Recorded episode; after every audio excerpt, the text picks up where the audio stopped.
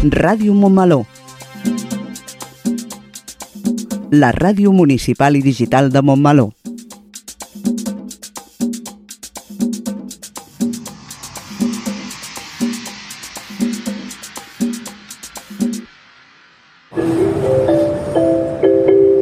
Propera parada, Montmeló.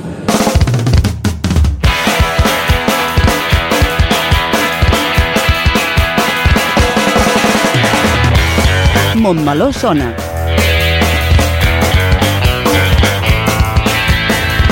El magazín informatiu de Ràdio Montmeló.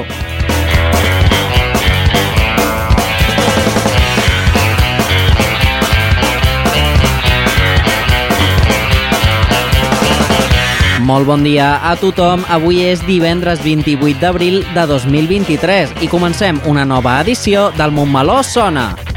Programa número 66.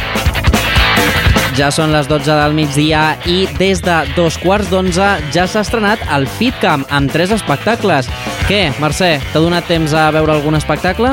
Que va, que va, a mi m'ha tocat treballar. Sí que venint cap aquí he sentit que hi havia xivarri a la vila, però aquesta tarda sí que faré cap cap a la torreta per veure què em trobo. Així m'agrada. I tothom que ens estigui escoltant que entri a la web del FitCamp i consulti la programació. Montmeló Sona és el magazín informatiu setmanal de Ràdio Montmeló, coordinat per l'equip de comunicació de l'Ajuntament.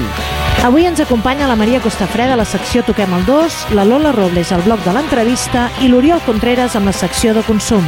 I a la locució del programa tenim a la Mercè Volart i un servidor, el Rubén Cantón. I una vegada fetes les presentacions, passem al sumari de continguts que tenim preparats pel programa d'avui.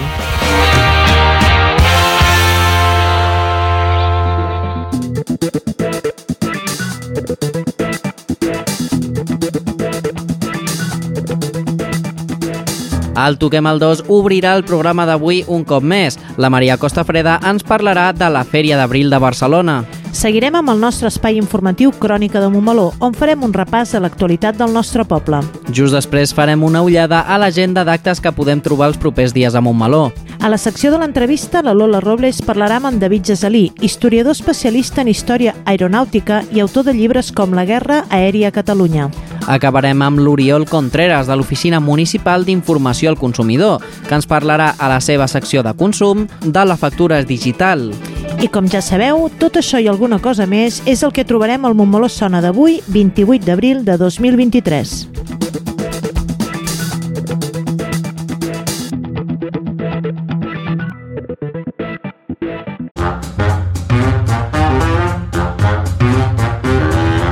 Montmeló sona, el magazín informatiu de Ràdio Montmeló. Montmeló sona i sona així de bé.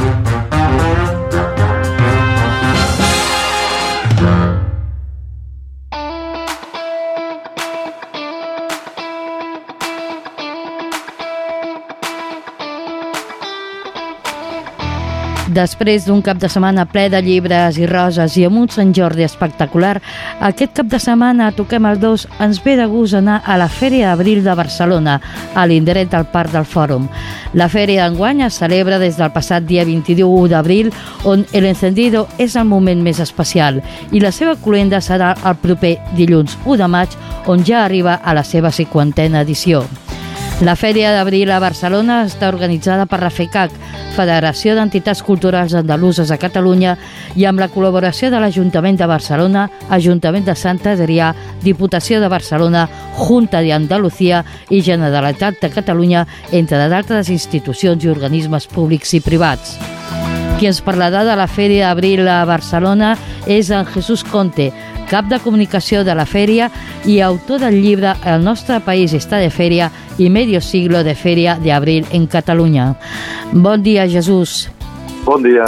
Doncs moltíssimes gràcies per atendre la trucada de Ràdio Montmeló. Encantat d'atendre-us. Eh, quins són els orígens de la Fèria d'Abril a Barcelona? La Fèria d'Abril es remunta a l'any 71.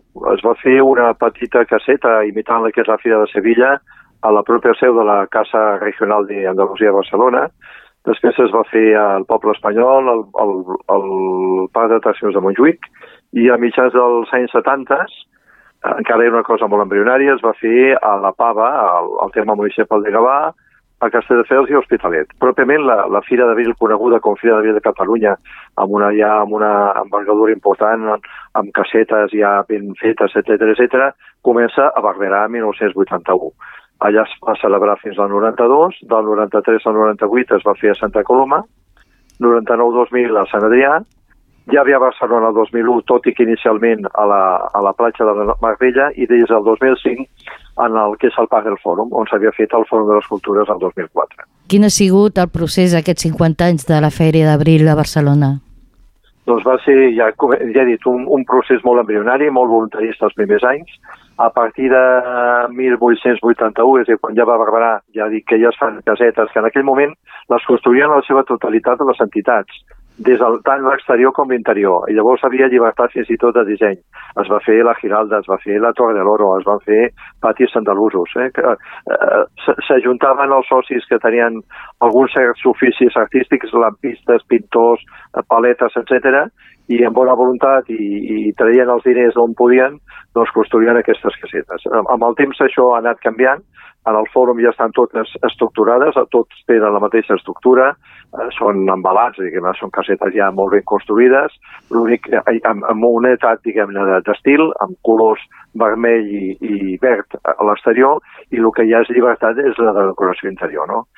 Hi ha entitats que encara mantenen aquell esperit fundacional, és a dir, que, que decoren l'interior, que tenen la, tant la cuina com la barra i per tant, diguem-ne, hi, ha, hi ha un contracte directe entre la gent que té el dia a dia d'aquestes entitats culturals andaluses i els que estan, diguem-ne, al front de, del casset. Altres estan ja analitzades el que és el sentit de la, de la restauració, no?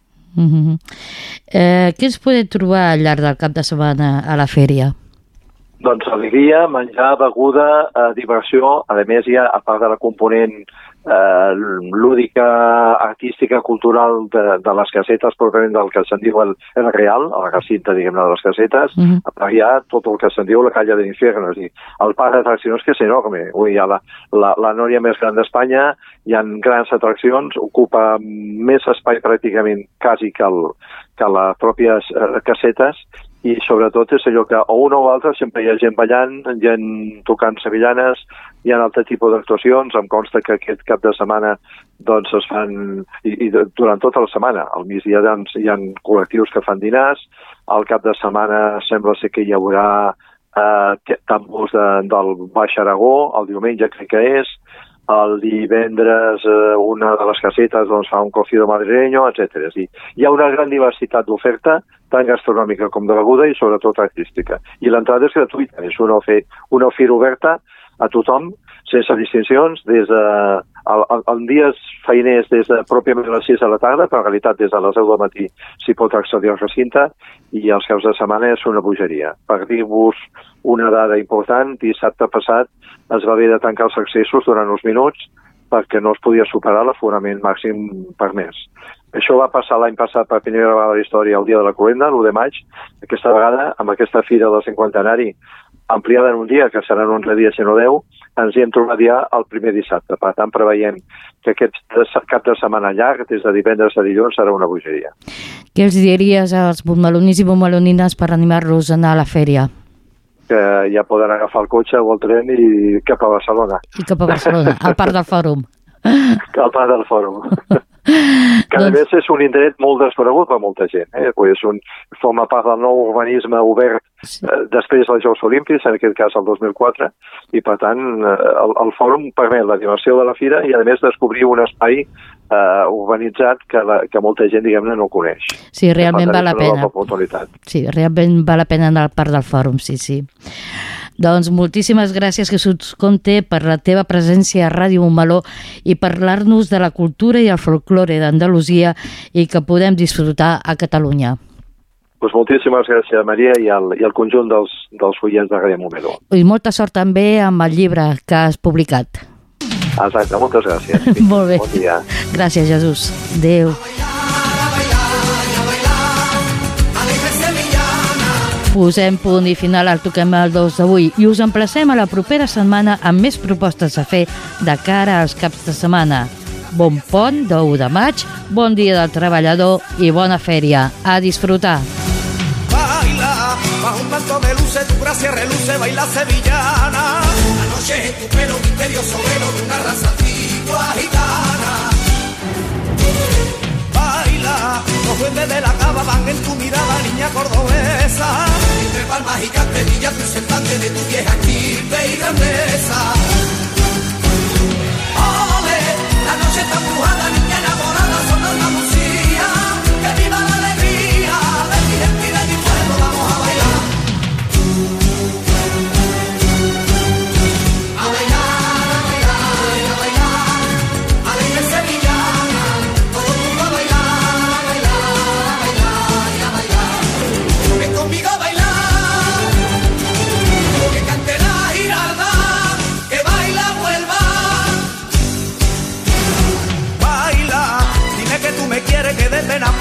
no conmigo. Te digo te piropo porque ya estoy loco y es que sueño siempre contigo. Baila, derrama tu salero por todo el arbero de la feria mía. Y que digan tus manos a la gloria, vamos llevando la gracia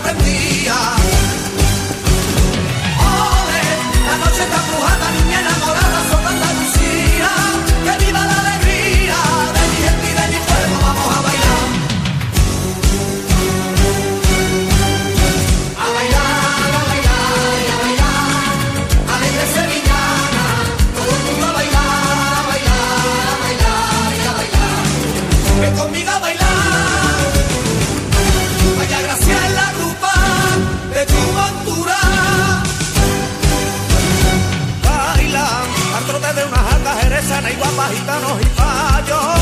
Que de la frontera lleva por bandera que baile con arte el caballo. Baila, rejones de salero, lances de torero, son de cascabeles. Cristales encendidos y el oro fundido donde el vino fino se bebe. Ole, la noche está empujada, niña enamorada, son de Andalucía. Que viva la alegría de mi gente y de mi pueblo, vamos a bailar.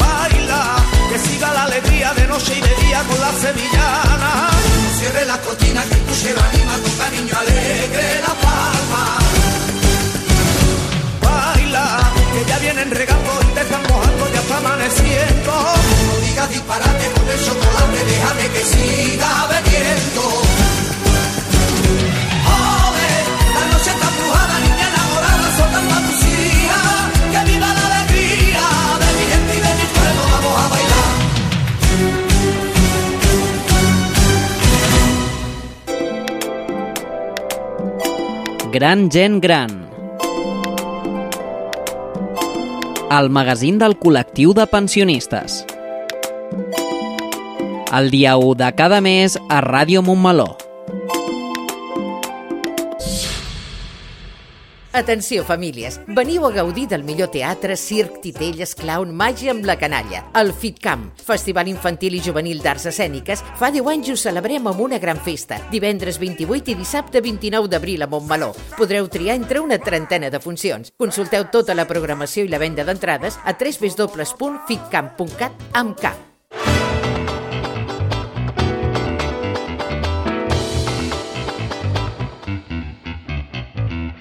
Entrem al nostre bloc informatiu Crònica de Montmeló i donem pas una vegada més a les notícies locals més destacades d'avui, divendres 28 d'abril de 2023. Aquest és el sumari. Roses, llibres i trobada literària local per Sant Jordi. Si l'educació en el lleure és el teu fort i vols treballar aquest estiu, aquesta és la teva. Vols treballar a l'acampada que s'organitza per als grans premis de Fórmula 1 i motos? Noves xifres sobre la recollida de residus a Montmeló. Avui divendres i demà dissabte arriba la desena edició del FitCamp. El 7 de maig, nova edició de la Mini. Diumenge 14 de maig us proposem la iniciativa mediambiental Let's Clean Up Europe.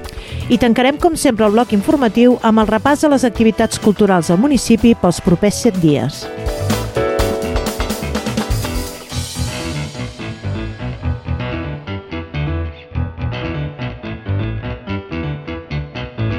Enguany la Diada de Sant Jordi ha caigut en diumenge. Això és sinònim de molta activitat literària durant tot el cap de setmana. A Montmeló hem tingut un grapat d'actes de diferents àmbits, contes narrats, concerts corals, parades de roses i llibres, jornada de comerç local, tallers per a la canalla i ball de gitanes, a més dels diferents concursos de relats i punts de llibre que ja funcionen des de fa setmanes. La novetat més important de la Diada ha estat la trobada literària local de signatura de llibres, amb cinc escriptores i un escriptor. El primer a signar ha sigut José Luis Barca, autor de Advenimiento, que és el tercer volum de la trilogia Hijos de un Dios Mayor. Mitja hora més tard ha estat el torn d'Àngels Martí, Eva Butjosa i Maria Antònia Carrasco, les tres autores del llibre Història de la Grupa, Associació Cultural de Montmeló. Cap al migdia, Jessica Roca ha signat el seu últim llibre publicat fa poques setmanes, L'Administrativa. I finalment, Almudena Herrera, professora Montmeló, ha signat el llibre infantil El crit de la mona.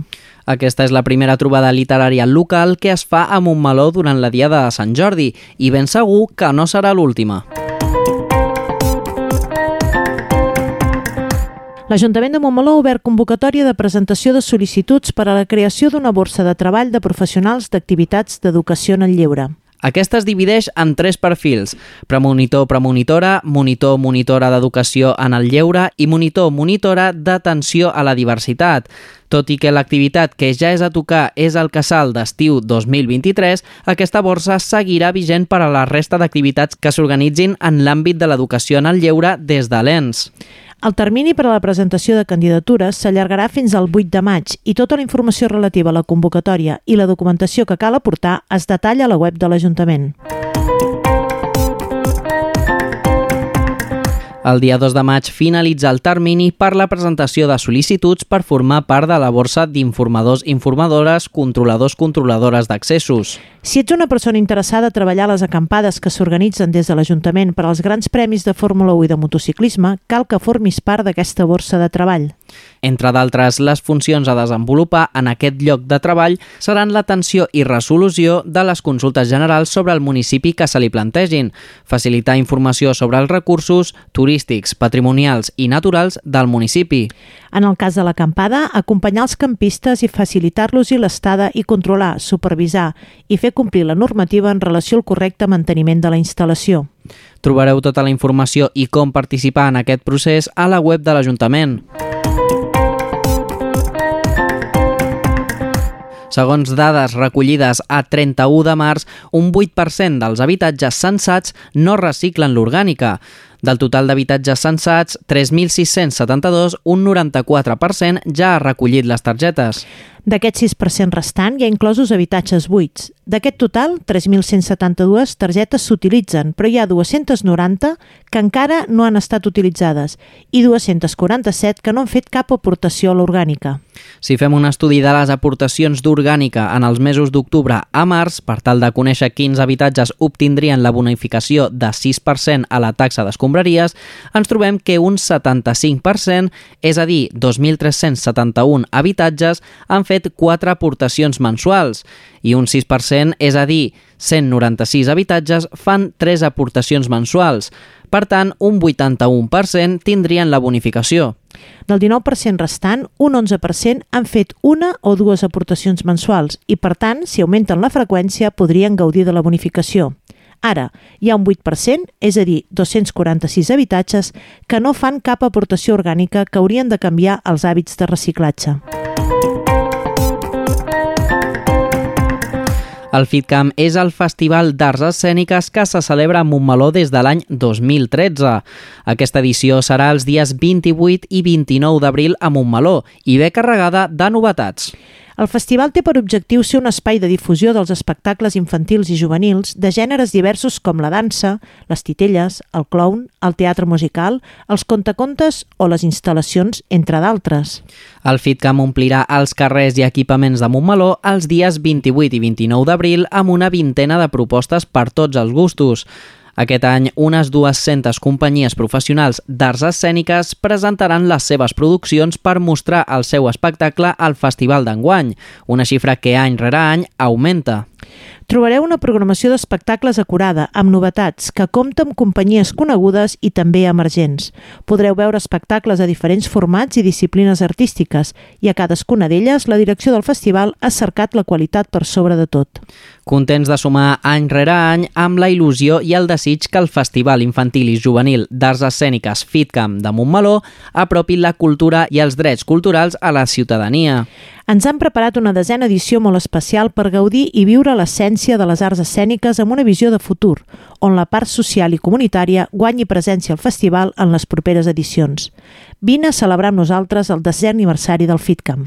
Avui comptem amb la presència de la regidora de Cultura, l'Ariadna Ojeda, per conèixer més detalls d'aquest festival. Bon dia, Ariadna. Bon dia, Rubén. Eh, Explica'ns una mica, aquesta edició s'avança al mes d'abril i es du a terme en divendres i dissabtes. A què és degut aquest canvi? Sobretot, eh, el canvi ve donat per un tema bueno, que, que ens toca molt de prop, no? que són les eleccions municipals. Nosaltres venim celebrant el, el FitCamp sempre de la darrera setmana del maig i enguany, doncs, en coincidir amb les eleccions municipals, doncs, vam haver de, de decidir fer un canvi de, de data perquè no era viable, eh, ja que molts espais són, són espais electorals i no, no es podia fer. Llavors eh, vam estar mirant quines dates podien ser-hi per, per, bueno, per plantejar una alternativa i per tal de no coincidir amb altres fires, festivals i de més, doncs vam decidir fer-ho a, a finals d'abril. Sí que és cert que nosaltres eh, venim programant el, el festival sempre en cap de setmana, tant de dissabte com diumenge, i enguany hem apostat per fer-ho de divendres 28 i dissabte 29 d'abril. Eh, això també pues, és un canvi perquè, perquè el 28 d'abril és un dia de lliure eh, disposició de les escoles de, de... llavors amb això també plantejàvem que podia ser un, una alternativa, ser una activitat també eh, que poguessin gaudir els, els nens i nenes de Montmeló, tothom que, que tingui festa aquell dia, i també perquè el festival s'està consolidant i una cosa que ens interessa molt és que també eh, vinguin programadors Mm. eh, i tècnics també municipals i de més. Per què? Perquè això també ens garanteix que quan nosaltres fem la, la bueno, quan obrim el termini, no? perquè les companyies ens facin propostes, clar, al final FitCamp també és un mirall per molta gent i això ens fa eh, que tinguem més propostes, millors propostes, propostes molt diferents i també és el que ens fa tenir un FitCamp amb una programació doncs, més diversa i, i més xula. I en el festival d'aquest any, quines novetats podem trobar? Uh, doncs la programació de- d'enguany inclou una vintena d'espectacles de diferents disciplines artístiques en les quals tindrem sis estrenes. Mm. Llavors, uh, enguany també, coincidint amb la desena edició del FitCamp, hem fet un canvi d'imatge, un canvi de color, sobretot on es pot destacar una presència més lila i més verd. Per què? Perquè els objectius del FitCamp també eh, volen incloure doncs, que hem abordat un canvi, no? un canvi en el que és la, um, la consciència que abordi uh, tant l'entorn natural com la crisi climàtica, l'autoestima i també, sobretot, un festival on, on s'inclogui el que és la perspectiva de gènere i la mirada col·lectiva uh, per tal de fer que totes les necessitats i totes les persones puguin veure's uh, incloses i, i es puguin tractar doncs, totes les temàtiques dintre del que és el festival. Mm. Llavors, eh, en quant a programació, doncs tenim companyies que venen tant de Catalunya, País Basc, València, Madrid, i, i clar, si tornem al que és la decena edició, doncs també tindrem eh, activitats com la celebració del desè aniversari, que farem una festa als Jardins de la Torreta, amb un pica-pica i la DJ track Lola Band, i tindrem un altre espai, sobretot, eh, per presentar eh, el que era la, la idea de l'eix central d'aquesta aquest, nova edició de, del FitCamp, que era el projecte originari. Mm. I ens pots explicar què és el projecte originari de la companyia Ortiga? Sí, um, el projecte originària eh, és un projecte de, com dius, de, de la companyia Ortiga que en el que es treballa un, bueno, és, és un projecte transversal. Per què? Perquè estan incloses el que és la regidoria tant de Medi Ambient com de Cultura i Educació. Llavors, és un, és un, és un projecte artístic molt interessant perquè treballa al nivell comunitari el que és la sensibilització mediambiental al voltant de la rehabilitació d'un espai. L'espai en, en concret de Montmeló era l'espai Can Cabanyes. Llavors, era una idea molt xula, bueno, és un, és un projecte molt xulo perquè en aquest, en aquest context eh, la, es treballava a les escoles, però sobretot partint de l'impacte eh, en el municipi. Mm. Llavors, la idea era començar amb la plantada de, mm, anual que fem a, a Montmeló en l'espai de Can Cabanyes, amb aquesta companyia fent un treball de la zona, medioambiental, amb participació de les escoles i altres entitats, treballant l'impacte directe en el municipi i després continuar aquest treball finalitzant en el, en el FitCamp. Llavors, què ha passat? Que amb tot el que és les restriccions de la sequera i tot això, hem hagut de, de modificar aquest projecte original, eh, bueno, amb la versió original, no?, i, i llavors vam haver d'anul·lar el que era la, la, la plantada, no? perquè per el tema de les restriccions d'aigua i tot això doncs no podíem plantar uns arbres que després no podíem regar i eh, el que sí es manté són les carpes que sí que est estan instaurades, a, instal·lades a, a la torreta, llavors allà es faran també els- a l'espectacle d'Anki, es farà també la part de les fulles ambulants i l'exploradores a l'aire, que al final són propostes eh, multidisciplinàries d'investigació, exploració emocional i social. Llavors, tot el que és la part de la plantada, quan, ens, quan es permeti, doncs sí que ho farem. Llavors és, és aquest canvi que hem hagut de fer. És un projecte molt i molt xulo. Ja has comentat que, que portem 10 anys de FitCamp. Què és el que representa per Montmeló celebrar aquest aniversari? Doncs sobretot jo crec que representa com eh, la consolidació no, d'aquest festival i el fer compromís per la cultura que tenim des de, des de l'Ajuntament. Uh, ja fa 10 anys no, que, que, que aquest, uh, aquest festival eh, es realitza a Montmeló i que al final és un cap de setmana no? que ve moltíssima gent a Montmeló, hi ha molta gent de Montmeló que aprofita no, per anar i gaudir amb la família, amics, eh, veïns, per anar d'espectacle en espectacle i la veritat que, que és, un, és un festival que està s'està arrelant cada cop més, estem començant també a, a ser referència a nivell de, de la comarca i la veritat que, és que estem molt contents. A més a més, també és veritat que treballem amb Fundació Xarxa, que això també doncs, um, ajuda, no? I, I també amb la grupa de Montmeló que també és una entitat a nivell local no? que, que ens deixa, ens ofereix les seves instal·lacions per poder tenir també un escenari i clar, tot el que es treballa a, a nivell local i, i amb associacions del municipi doncs també és important. Mm. I per acabar, Ariadna, eh, com podem fer si volem assistir als espectacles? Sobretot, eh, hi, ha dos, hi ha dos vies. Una és la via de, per internet, a través del, del portal d'Entràpolis, i és sobretot el que recomanem. Per què? Perquè es, eh, es pot fer venda anticipada i llavors eh, aconsellem que es comprin allà les entrades i si no, també es pot comprar a través dels de, el, dies del festival, es poden comprar a la torreta. Mm. Però clar, a vegades hi ha gent que pues, hi ha espectacles que són molt atra- atractius i a més doncs, aconsellem que facin la compra anticipada per tal de garantir uh, l'accés. És a dir, o sigui, també és veritat que hi ha entrades tant a nivell, bueno, una mica recordatori, hi ha entrades a nivell uh, puntual, també abonaments, i recordar això, que els infants de 0 a 3 anys no paguen entrades sempre i quan uh, no ocupin seient. Doncs moltes gràcies, Ariadna. Moltes gràcies a vosaltres. Diumenge 7 de maig tindrà lloc una nova edició de la mini marató escolar. A partir de dos quarts de deu, la Quintana tornarà a ser l'escenari de la celebració d'aquesta ja clàssica prova escolar d'atletisme coneguda per la mini. Els infants a partir de P4 fins a la categoria infantil estan cridats a participar en les 13 curses que s'han organitzat per l'edició d'enguany. Les diferents curses, adaptades en la distància a l'edat dels participants, tornaran a posar a prova un any més la salut competitiva dels nens i nenes del municipi. Aquest any, a més, trobareu un espai de jocs i esports a la plaça durant la jornada esportiva. Els escolars que hi vulguin participar podran formalitzar la seva inscripció a la mateixa plaça de la Quintana, fins a 30 minuts abans de cada categoria. Un cop finalitzada la prova, se'ls gratificarà amb un obsequi per la seva participació i es procedirà a l'entrega de premis.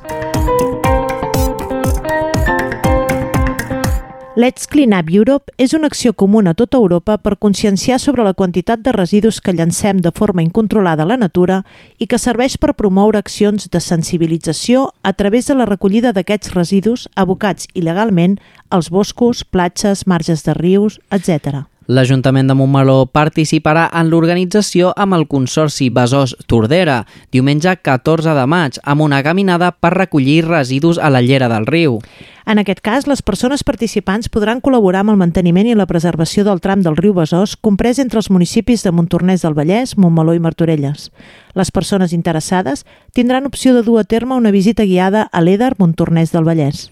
Les persones inscrites podran escollir iniciar l'activitat a dos quarts de deu del matí a la plaça de la Vila de Montmeló, des d'on s'iniciarà el recorregut en grup a peu fins al riu o a les 10 davant l'estació depuradora d'aigües residuals de Montornès, polígon Camp Buscarós, on s'instal·larà tota la zona de recollida, avituallament i tallers per la mainada.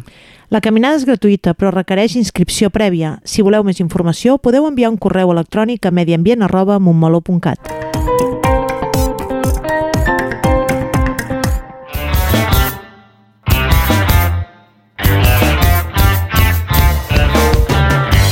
Iniciem el bloc de l'agenda d'activitats culturals d'aquest cap de setmana amb el FitCamp com a principal protagonista. Com ja us hem informat al llarg de diferents programes i com ja ens ha explicat la mateixa regidora de Cultura, avui divendres 28 d'abril ha començat la desena edició del FitCamp, el Festival Infantil i Juvenil d'Arts Escèniques de Montmeló. La majoria dels pares i mares que ens escolten ja saben molt bé la dinàmica d'aquest festival, així que no donarem molts més detalls sobre el FitCamp a aquestes alçades. El festival ha començat aquest matí i es prolongarà durant el dia d'avui i demà 29 d'abril. La gent interessada pot treure les entrades de manera presencial a la Casa d'Entitats que està a l'entrada de la Torreta. Companyies de Catalunya, València, el País Basc i Madrid ompliran els carrers i sales del municipi per mostrar les seves últimes creacions.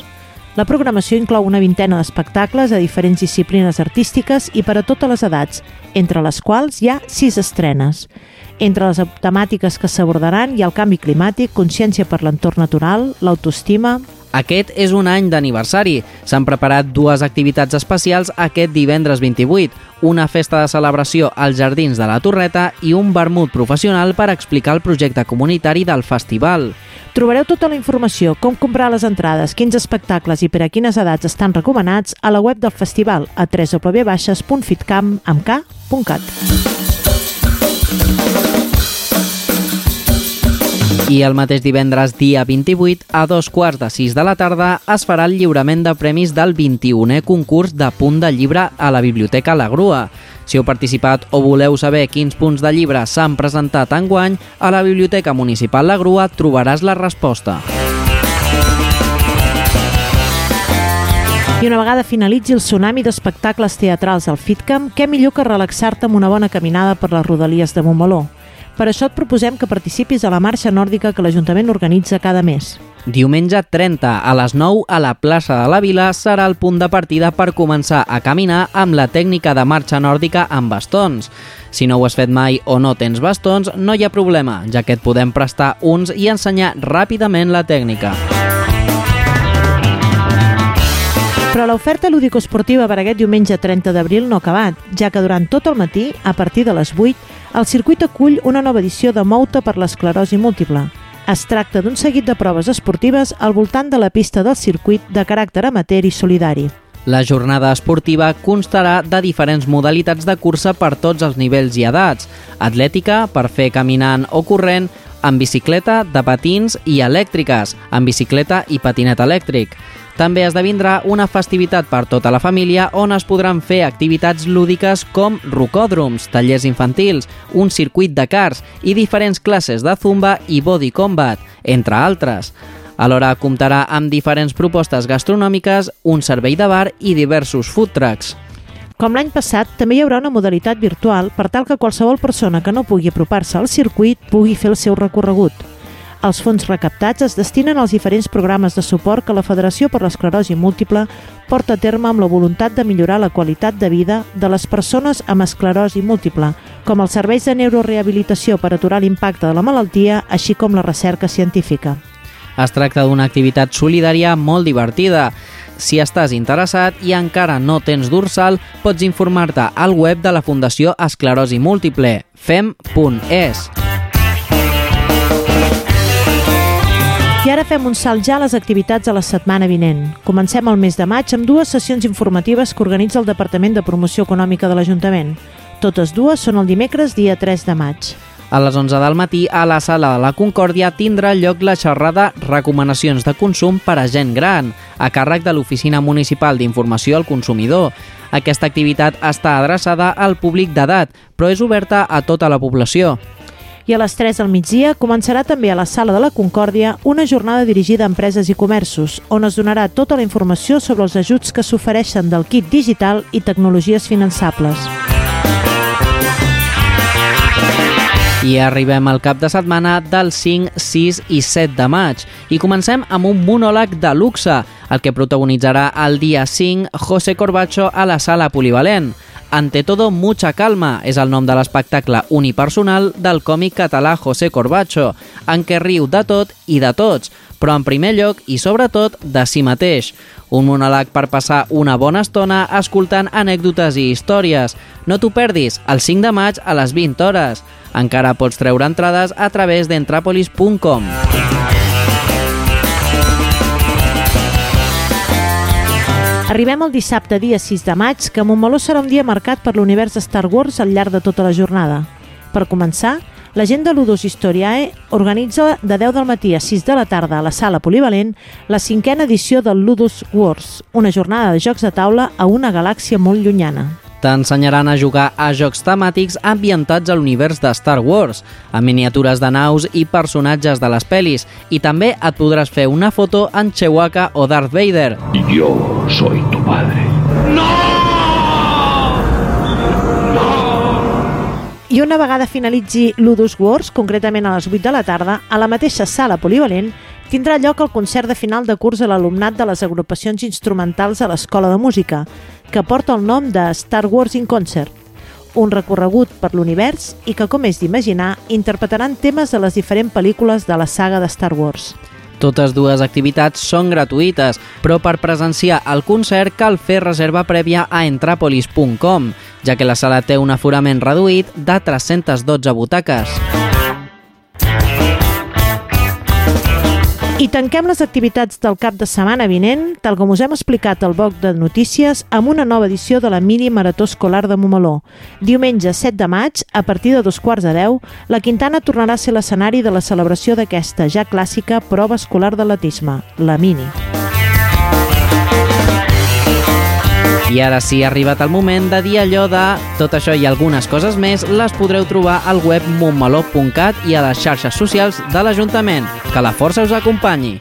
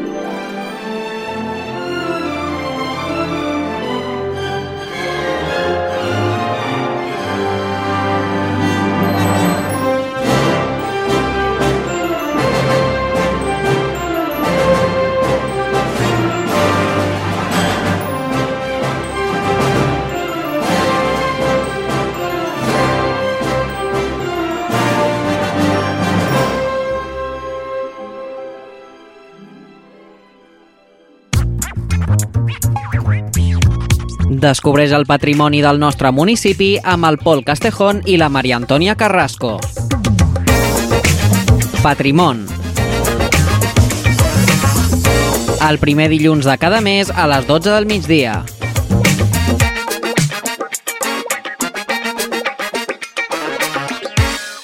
Ei, vinga, som-hi ja. És el moment de fer el pas. A casa, a la feina i al carrer. Quan anem de festa o al taller. Parla'm amb el teu accent. Només hem de començar. Aprovem-ho en català. Tu per mi i jo per tu. I quan vulguis tots plegats. Molt per parlar, molt per Provem-ho en català. Molt per parlar, molt per viure. Generalitat de Catalunya. Sempre endavant.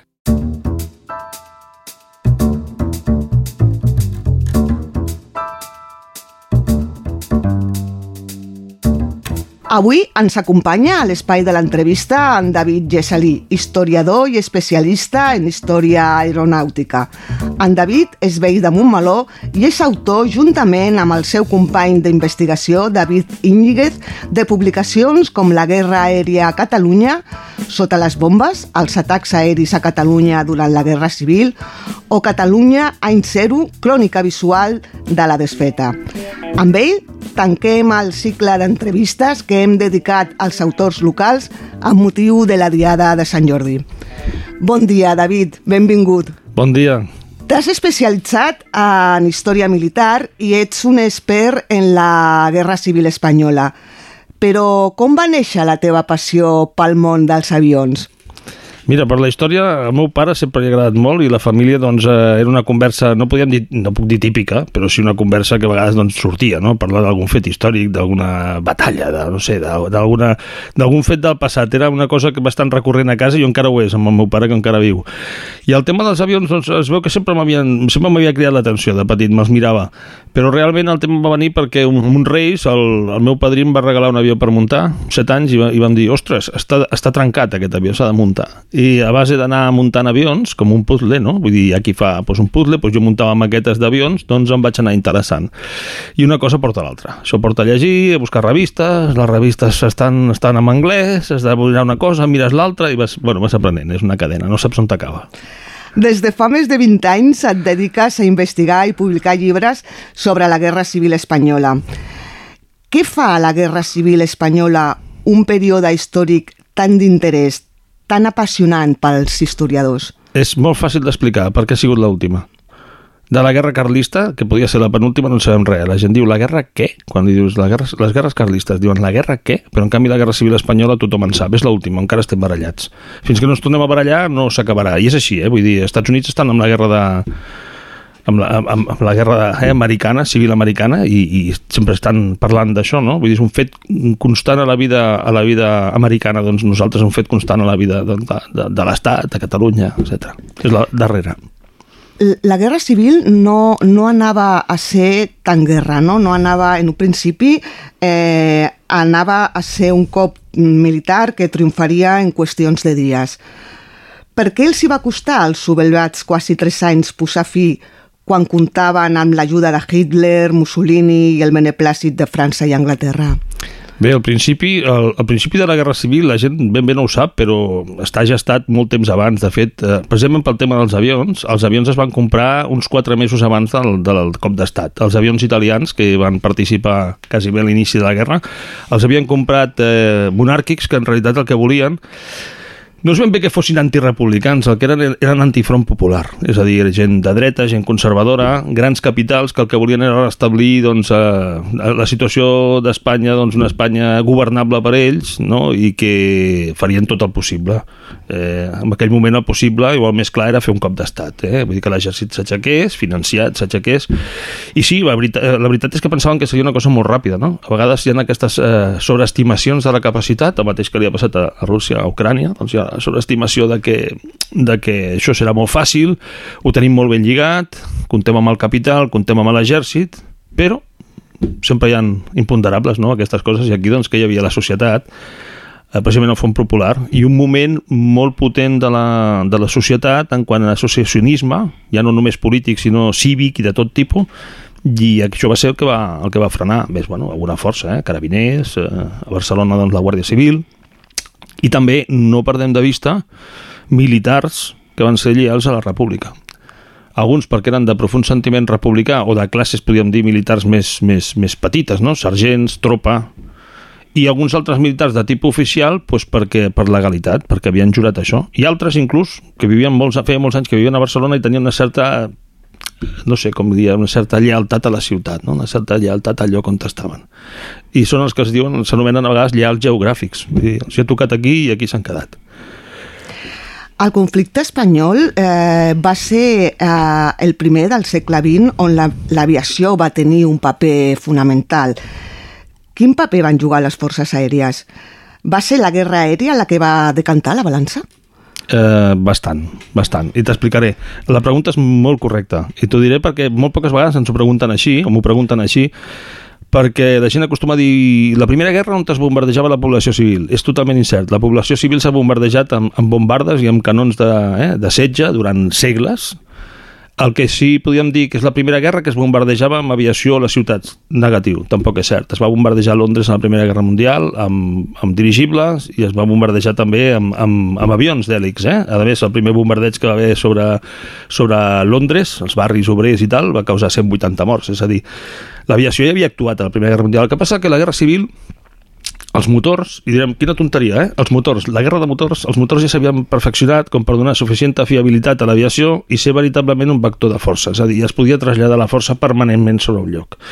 I aquest és el, aquest és el punt on, te, on te canvia la situació, és a dir, des de Mallorca, amb 20 avionets, pots tenir sotmesa tota la costa d'Espanya, tota la costa mediterrània. És a dir, eh, s'aixequen tres avions, no se sap on van, i apareixen a Dènia, després uns altres tres apareixen a Roses i tal, i clar, tens constantment tota la costa republicana pendent d'un atac que pot venir de més enllà del mar. I això genera una despesa brutal. La guerra és economia i, i cost. I clar, aquests 10 o 20 avions que estan a Mallorca, a més d'anar bombardejant, el que fan és, és, és fer, una, fer una sagnia de calés de vaixells que s'enfonsen que cada vegada valdrà més, eh? cada vegada el, el, el capità que hagi de portar un vaixell exigirà més per anar a un port republicà, cada vegada els elements que arriben a port són més cars, el blat, la benzina...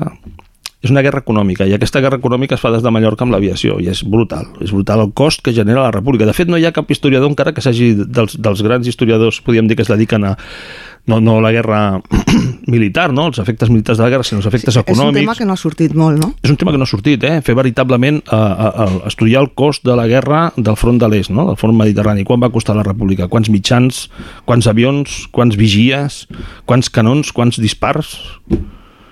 Clar, vull dir... Quines van ser les principals diferències entre les forces aèries dels bàndols republicà i nacionalista? Doncs, Nacional, perdó. Sí, sí, sí, no, també es diu nacionalista, correcte. Eh, Doncs inicialment una molt senzilla. Eh, La república es va quedar amb la major part dels avions i els altres van quedar amb la major part dels pilots. És a dir, la república es va trobar amb una força aèria més important que la dels sublevats, sobretot inicialment, però una gran majoria d'oficials o de pilots amb experiència de combat, podríem dir inclús alguns que havien estat a la, a la guerra de l'Àfrica, no amb combat aeri, però sí bombardeig i tal, doncs es van quedar del, del, del sector dels sublevats, eh? Què passa? Doncs que la República té una mancança immediata de pilots els primers pilots que té, inclús pilots mobilitzats eh, civils, com els, de, els dels aeroclubs catalans, són mobilitzats. Uh, pilots de les línies aèries postals d'aquell moment, que també són mobilitzats. Aquesta gent a, a, acaba realitzant un nombre de missions diària eh, terrible. Vull dir, parlem de, eh, de, allò dels eh, aviadors de la batalla d'Anglaterra que anaven amb amfetamines per aguantar els constants combats per defensar la illa no? davant dels alemanys, però és que aquí va passar igual, no? hi havia pilots. Aleshores aquella gent havia de, de passar dia i nit treballant. Eh? Hi, ha, hi ha veritables casos d'esgotament físic i psicològic de tanta, tanta, tanta missió els primers dies, fins que comencen a tenir tongades d'aviadors de, de, d'aviadors preparats a correcuita. O sigui, que van ser més les habilitats dels aviadors les que van fer eh, que... Correcte, correcte. Eh? Al principi era, vull dir, els, clar, els aviadors que, que tenia la República, els que va agafar, molts eren, precisament eren, eren aviadors civils de, de les línies aèries, que eren gent que estaven eh, bueno, super habituats a navegar. En aquella època els avions funcionaven amb uns sistemes de navegació que no tenen res a veure amb ara, no? Funcionaven amb, amb sistemes de ràdio, triangulant ràdios, eh, per antenes, eh, buscant des d'on sortia la ona de l'antena i dirigint-se cap a ella, o amb navegació per estrelles, eh, a través de, de, del, del cel, no? I els uh, que eren els aviadors de, de les línies aèries postals doncs estaven acostumats a, a volar per sobre d'Espanya, a volar per sobre d'Europa, i era, clar, era un, eren, efectivament eren un contingent molt valuós, perquè inclús dins dels militars no hi havia massa gent que tingués una gran qualificació en navegació per poder anar a bombardejar, per exemple, per la nit, o anar a bombardejar sense visibilitat doncs, en, en algun lloc que, que, clar, que els hi manaven. I com es va desenvolupar la indústria aeronàutica a Espanya durant aquest període? És un tema, bueno, és un dels temes que a mi sempre m'agraden, eh? gràcies per preguntar-m'ho, perquè també és un, altre de, és un altre dels miracles que a vegades eh, no, no, no parem, no? Sempre pensem en el bombardeig, sempre pensem en les víctimes, amb els morts, amb tal, però no pensem com la societat civil, perquè la república és un ens civil, no és un ens militar. Aleshores, com aquest ens civil canvia la seva mentalitat, que no la canviarà mai, pobreta, però com, com va canviant cap a una indústria de fabricació de guerra i com va canviant l'organització civil cap a una organització de guerra i home, la, la indústria doncs, té una... A més, és molt desconegut perquè inclús en el primer moment que hi ha anarquisme aquí a, a, a la zona catalana, a Barcelona, eh, moltes de les consignes que es fan es, es, es seguiran durant tota la guerra, o sigui, són correctes. És a dir, la gent no és tonta. Els, els, els ideòlegs que generen els mecanismes de defensa els, ho fan correctament des del principi.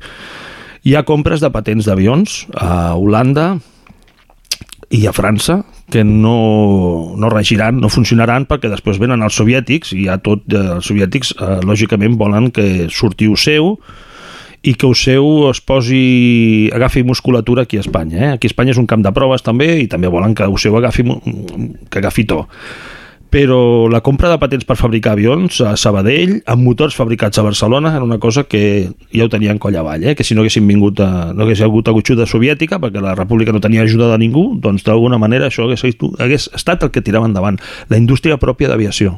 Després va ser una indústria pròpia, però sota el control soviètic. Eh? I com va afectar la intervenció estrangera a l'aviació en la Guerra Civil? Va afectar dues bandes. Va afectar la banda, la banda pròpia de la guerra, evidentment. Una guerra que va començar d'una forma artesanal i diríem amb uns conceptes de la Primera Guerra Mundial en quant a la utilització de l'aviació, eh, doncs lluita de caces, eh, ametrallament a terra, bombardeig no massa lluny, bombardeig, no un bombardeig que anés a, amb, una, amb una voluntat estratègica, sinó a, més aviat al front de batalla, i amb una guerra que cap allà setembre-octubre, per exemple, a Madrid només hi havia un avió que pogués defensar-lo. Eh, deien que salga el caza, eh? que surti... És, és famosa la frase, perquè només els hi queda un ja abans de que arribi l'ajuda la, soviètica. I d'això anem cap a anem cap, evolucionant cap a una, una guerra aèria molt més complexa, amb molta més participació de molts tipus d'aeronaus especialitzats i amb un assoliment de cotes de combat que nosaltres vam definir i, i sembla que la historiografia ho ha agafat com de tercer nivell. És a dir, hi ha uns avions que matrallen a terra, uns avions que lluiten entre 2-3.000 metres i uns avions d'alta cota en aquella època, que superen els 5.000 metres. Fins al ben entrada de la guerra aquesta, aquesta cota només la podien assolir els alemanys i a partir de la batalla d'Ebre els, els eh, republicans van poder aconseguir motors sobrealimentats i també establir un, una tercera cota de combat on ja els caces ja lluitaven per la, per la supremacia aèria alta cota.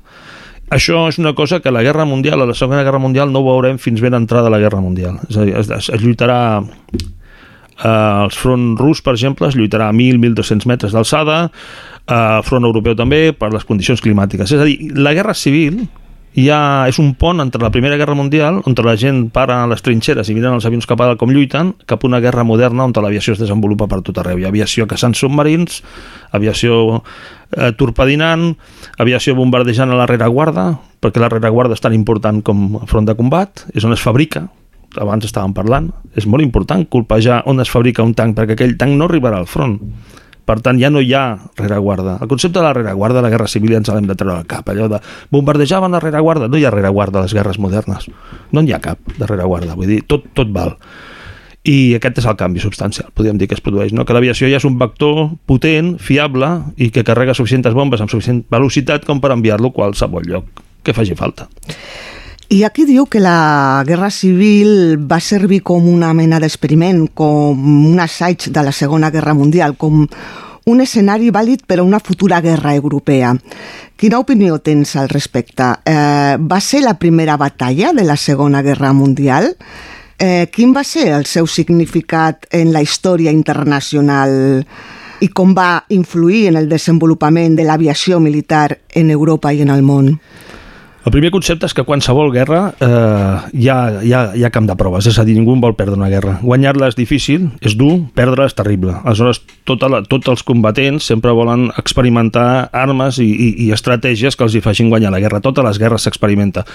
Què passava aquí? Doncs que aquí teníem una arma podríem dir, les, les, la, la, la guerra naval s'havia experimentat molt, però la guerra aèria no. Aleshores, lògicament, un conflicte aeri on s'enfrenten dos aviacions potents després de, la, després de la Segona Guerra Mundial, perquè clar, hi havien havíem tingut guerres colonials, Espanya era un, un dels, una de les potències de les guerres colonials, els anglesos havien tingut moltes guerres colonials, però una guerra entre dos estats relativament moderns, relativament industrialitzats i europeus s'enfrontaven amb dues aviacions, això no s'havia donat des de, des de la final de la Primera Guerra Mundial. I amb aquests 20 anys l'aviació havia canviat molt havia evolucionat moltíssim. Clar, és una cosa que, que tothom s'ho mira, tothom, tothom analitza, tothom envia, tothom envia assessors a veure com funciona, els francesos a Barcelona, els altres en un altre lloc, els alemans en un altre lloc, i experimenten, clar, sense... Els russos tenen, per exemple, per posar un exemple, els russos tenen un problema tremendo amb la qualitat dels acers els alemans no, els alemans tenen un acer de molta qualitat, però clar, els motors necessiten acer de qualitat. Ja no que l'avió voli bé, sinó que el motor sigui fiable, que quan tu li donguis gas al motor, allò pugui anar a les revolucions que toca.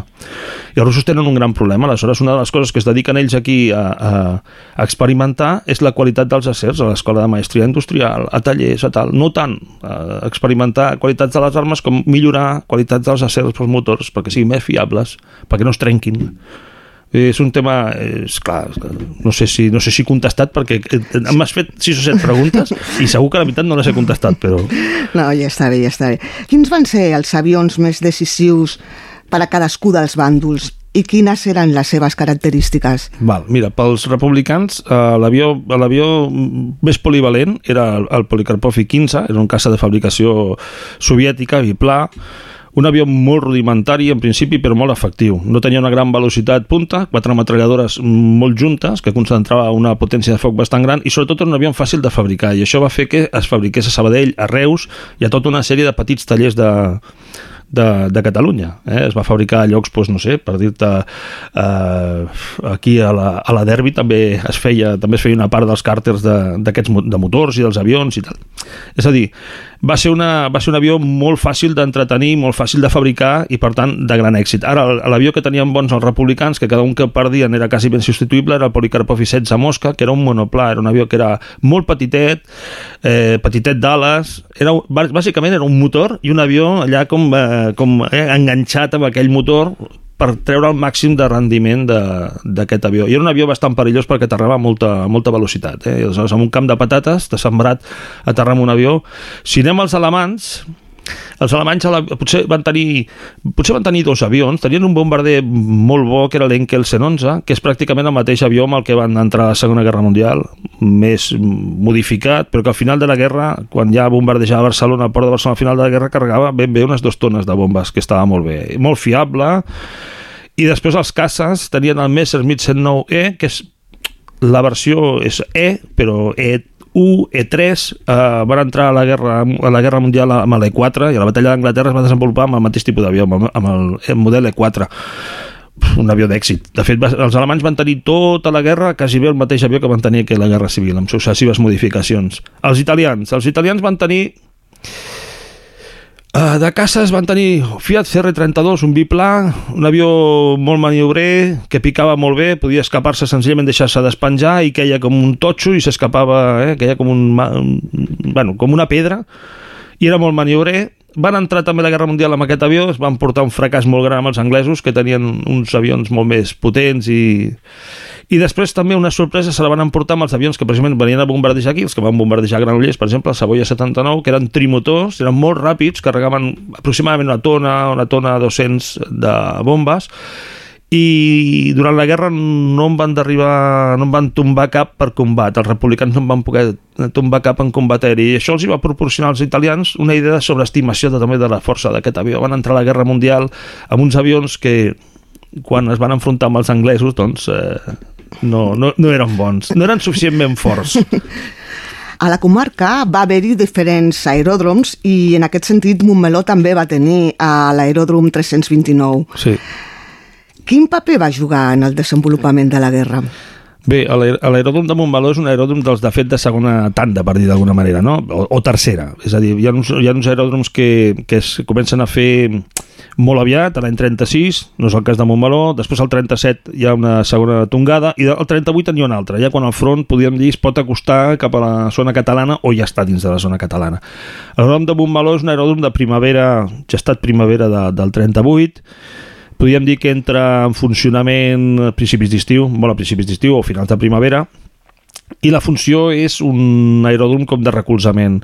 Uh, uh, podríem dir a Cardedeu hi, hi ha un altre aeròdrom i a la Garriga un altre. Aquests també estaven en una situació pràcticament podríem dir de no? potser una esquadreta alguna vegada, a la Garriga una esquadreta de bombardeig, a, a Cardedeu una esquadreta de bombarders que estava en formació, però no eren aeròdroms de caça potents a prop del front, no?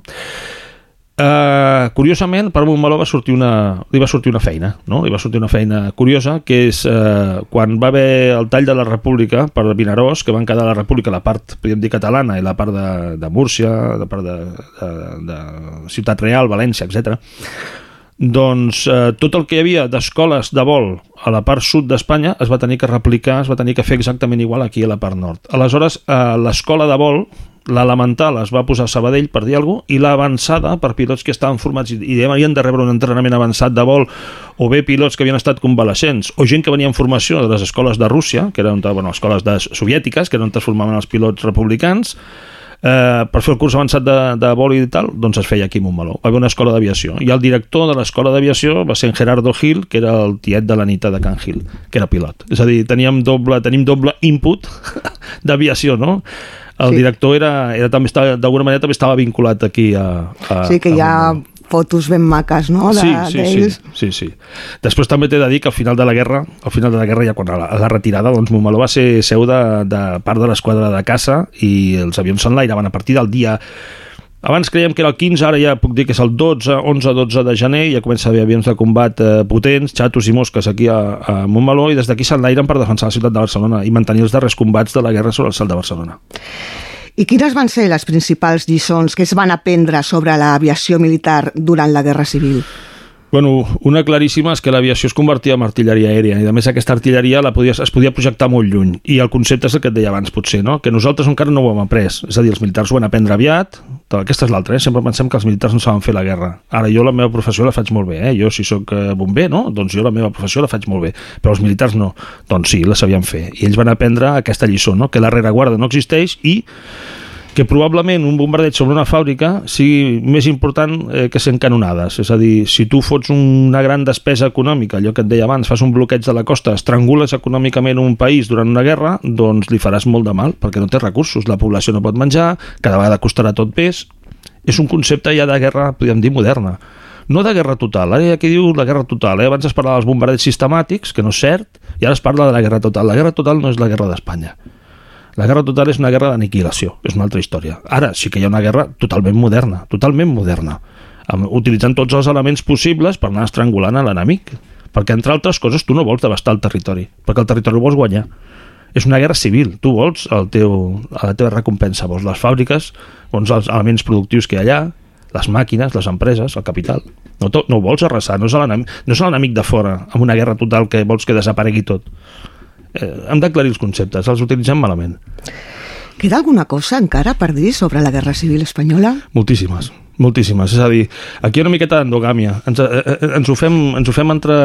Anava a dir entre cosins, doncs sí, entre cosins. És a dir, eh, eh, estem explicant moltes vegades la mateixa cosa, no? Estem, eh, estem rosegant la mateixa cosa i, i anem buscant anem buscant ampliar eh, el concepte que ja tenim, però a vegades potser hi ha que reformular o, o buscar per altres coses. A vegades eh, trobem eh, detalls dins de la història local, trobem detalls que ens fan avançar. Surt un estudi d'una història local i ens explica qualsevol cosa que ens fa avançar dins del concepte general de, de la guerra, de com la veiem, no? És a dir, queda molt per fer, hi ha moltes coses per fer. Aquí, aquí a la comarca tenim fets que no en tenim ni idea, per exemple, no? el Vallès, coses significatives, històriques que les coneixem relativament poc i tot just les anem descobrint. Canviem una miqueta de registre i parlem una miqueta més de la, de la tasca d'investigador. Uh, la història, com a qualsevol altra ciència, requereix un mètode. Eh, és desitjable que l'historiador es despulli del seu bagatge ideològic en el seu aportament al fet històric per tractar-lo amb la major imparcialitat possible, oi? Definitiu. És que és definitiu. És que, clar, si tu, si tu tens un concepte... Si tu ets un historiador financiat políticament, ja l'han fotut. És a dir, perquè, clar, aleshores tindràs, tens un pecat original. Estàs, eh, la història està al teu servei. Al servei de la teva ideologia de la ideologia, de la ideologia que, que et financia, o digues com vulguis. Tu has d'estar al servei de la història. Hi ha moltes coses que tu trobes que no t'agraden, del que tu penses, o d'aquelles persones, inclús d'aquells mites o d'aquells herois que tu tenies dins de la història, no? Després, quan, quan, quan, hi, ha, quan hi entres, veus que aquella persona doncs, tenia dubtes, errors, eh, interessos i mil coses, clar. Vull dir, és... Tu has tingut problemes a l'hora d'accedir als arxius eh, i als documents que volies consultar? Has pogut accedir a tot el que volies o encara hi ha arxius sobre la Guerra Civil eh... Classificats, vols dir, no? Sí. Sí, uh, classificats n'haurà sempre. Vull dir, perquè potser un paper que demostra doncs, que les intencions que tenia determinat, eh, no sé, determinat part política en relació, i no interessa que surtin, doncs perquè, per exemple, a mi sempre em fa molta curiositat, per posar-te un exemple, eh? perquè clar, ens fem preguntes als historiadors. Jo em faig una pregunta sempre. Quan, quan la República va decidir fer la batalla a l'Ebre, l'ofensiva de l'Ebre, era perquè estava a punt de caure la ciutat de València. I, I si haguessin deixat caure la República a la ciutat de València i s'haguessin atrinxerat a la zona catalana, haguessin fortificat tota l'Ebre i haguessin dit veniu, doncs la millor hagués aguantat molt més, s'hagués perdut tota la zona de Múrcia i tota la zona tal, i s'hagués aconseguit aguantar molts més mesos a l'embestida de, de les tropes de Franco. Però clar, algú tenia que prendre una decisió. Doncs aquesta decisió no surt un paper, mm, perquè clar, tindria unes connotacions polítiques dolentes, m'explico dolentes per a Espanya, perquè clar, si entrem a la Guerra Mundial, que tothom la veia venir, i hi ha una Espanya feixista, que és tota Espanya, per dir alguna cosa, hi ha una Espanya republicana que és Catalunya, es poden arribar a crear dos estats. És a dir, són moltes preguntes i moltes coses que això, si existeix, eh, el condicionament polític que hi ha avui en dia eh, eh, farà que això trigui a sortir. En canvi, altres coses no hi ha cap problema. És a dir, podem accedir a tots els documents, podem accedir a, historials de pilots, a historials de militars, podem accedir als interrogatoris de les persones, podem acce- accedir a les causes eh, i a l'estranger igual, podem accedir a vegades et trobes més problema amb un arxiu local, local, no? Que, no que no passa amb un X. del, segurament d'un altre no, país. no, ni amb els militars. Els arxius militars, contra el que la gent pugui pensar, eh, hi ha un personal molt qualificat i, i, i a més molt compromès amb l'investigador. Eh? Aleshores, doncs, eh, tu necessites qualsevol cosa i es desviuen per donar-te solució i, i et diré que és igual aquí que a Itàlia, que a Alemanya, que a tot arreu. L'arxiver afortunadament és una figura que, que ha crescut i se li ha donat importància i hi ha un gran nivell, una gran professionalitat i facilita molt la feina, La feina. i en fi, I quines han estat les joies que t'has trobat quan has anat als arxius? Aviam, de joies, eh, per exemple, aquí, aquí n'hem trobat moltes, però podríem dir que, clar, la, la gran fortuna que hem tingut eh, en David Iñiguez i jo, que fa molts anys que treballem, no és que hagin fet tots els llibres junts, però moltes investigacions doncs, sí que les han fet juntes. La, la gran fortuna va ser primer poder anar a l'ofici històric de, de, de l'exèrcit de l'aire italià, que ens van rebre bueno, fantàsticament perquè doncs, vam anar i vam veure que eren persones coneixedores del tema i si hi ha alguna cosa doncs, que li agradi a la gent és que valorin aquells documents que hi ha en un arxiu que tu no vagis i diguis, home, això no té cap interès hi ha veritables, veritables joies a l'arxiu italià i no només de fotografia aèria eh, d'indrets que no tindríem cap fotografia si no fos per, eh, pels bombardeigs o pels, pels exercicis de reconeixement de l'aviació italiana, sinó perquè tenen bueno, infinitat de coses. Ara, la joia de la corona és que van poder anar als arxius, als arxius de Moscou, van poder anar als arxius militars de, de Moscou, jo he estat tres cops, eh, una vaig estar el 2014, l'altra el 2016, i el 2018, que és l'última vegada que vam poder anar, eh, vam anar perquè hi havia una, un, un cicle internacional de conferències hispano... De, de, de, segon, cicle, de, segon cicle de relacions internacionals hispano-soviètiques, i aleshores ens van invitar i vam anar allà a fer una xerrada sobre els pilots eh, soviètics que havien, que havien desaparegut aquí la Guerra Civil. I això va ser, per dir alguna cosa, per, bueno, perquè ens donaven credibilitat arrel de les investigacions que havíem pogut fer per anar, quan vam anar allà, no? que vam trobar material, els hi vam explicar, vam trobar material d'indústries de guerra totalment inèdit de- en català, per exemple, de les indústries de guerra catalanes. Allà va ser on ens van En donar... català? Sí, sí. Allà va ser on vam veure la importància que va tenir pels soviètics el fet de poder-se emportar documentació, que potser pensem que es van emportar documentació d'armes, també, també, però sobretot es van importar documentació industrial. Ells feia, feia 10-15 anyets que havien fet la revolució industrial, o posa-li... No, no, no, no masses més, 20 anys, eh? 20, 25 i clar, tenien moltes carències. Era una gran màquina de producció, però tenien carències a nivell de solucionar problemes petits. Uh -huh. I clar, aquí els solucionaven amb els tallarets, amb les coses, i tota aquesta documentació cap allà, no? Documentació d'especialistes, que elaboraven informes, els enviaven allí. Bueno, van poder trobar moltes coses de- d'indústria de, de guerra que espero que algun dia puguin revertir en alguna cosa. No sé si li interessarà amb algun organisme, no sé si li interessarà amb alguna editorial, perquè aquestes coses doncs, bueno, el que et deia abans, no? Eh, estem anclats, doncs, a lo millor a, a, a, a uns temes i altres temes doncs, potser no tenen, no tenen tanta tirada. Perquè, per bé que jo els considero molt interessants, eh? perquè ens, ens, obririen, ens obririen nou coneixement de coses. Eh?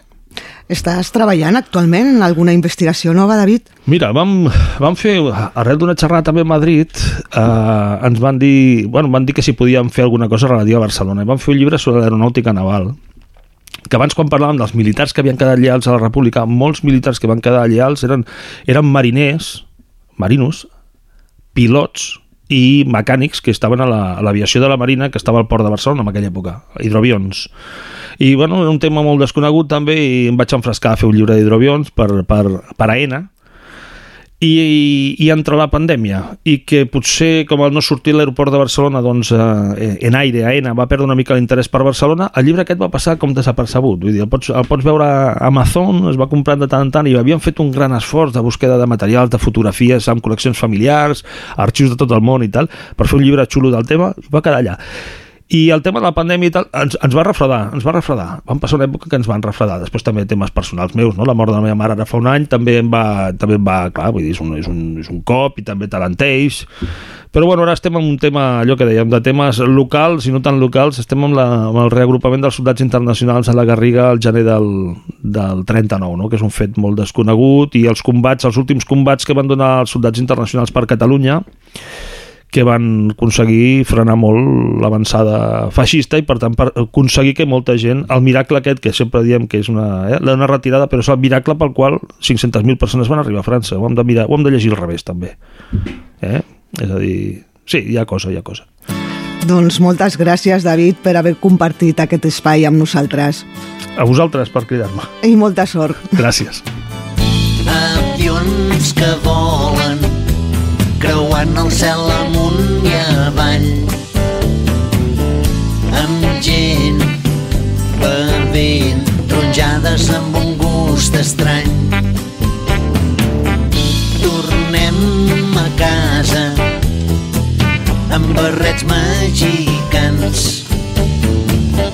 Cancún París i que bonic és viatjar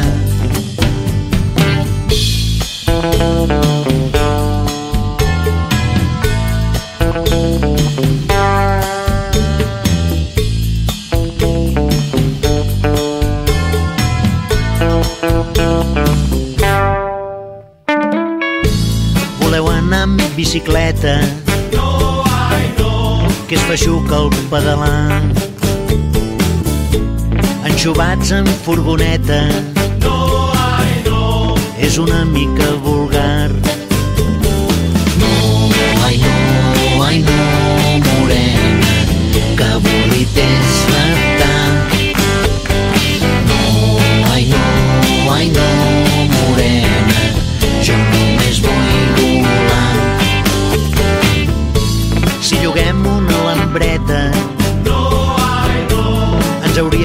posar un casc i ferri fins a Creta no, ai, no. que em marejo al veure el mar no, ai, no,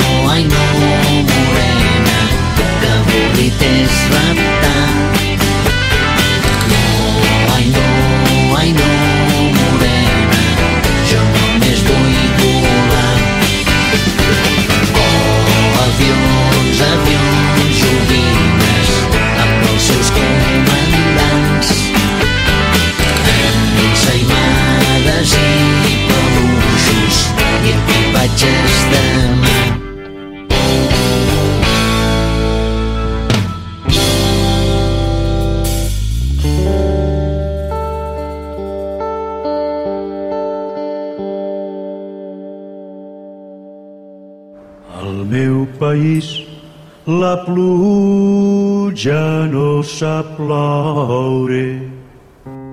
El canvi climàtic asseca els rius. Posa en risc l'abastament d'aigua i la producció d'aliments.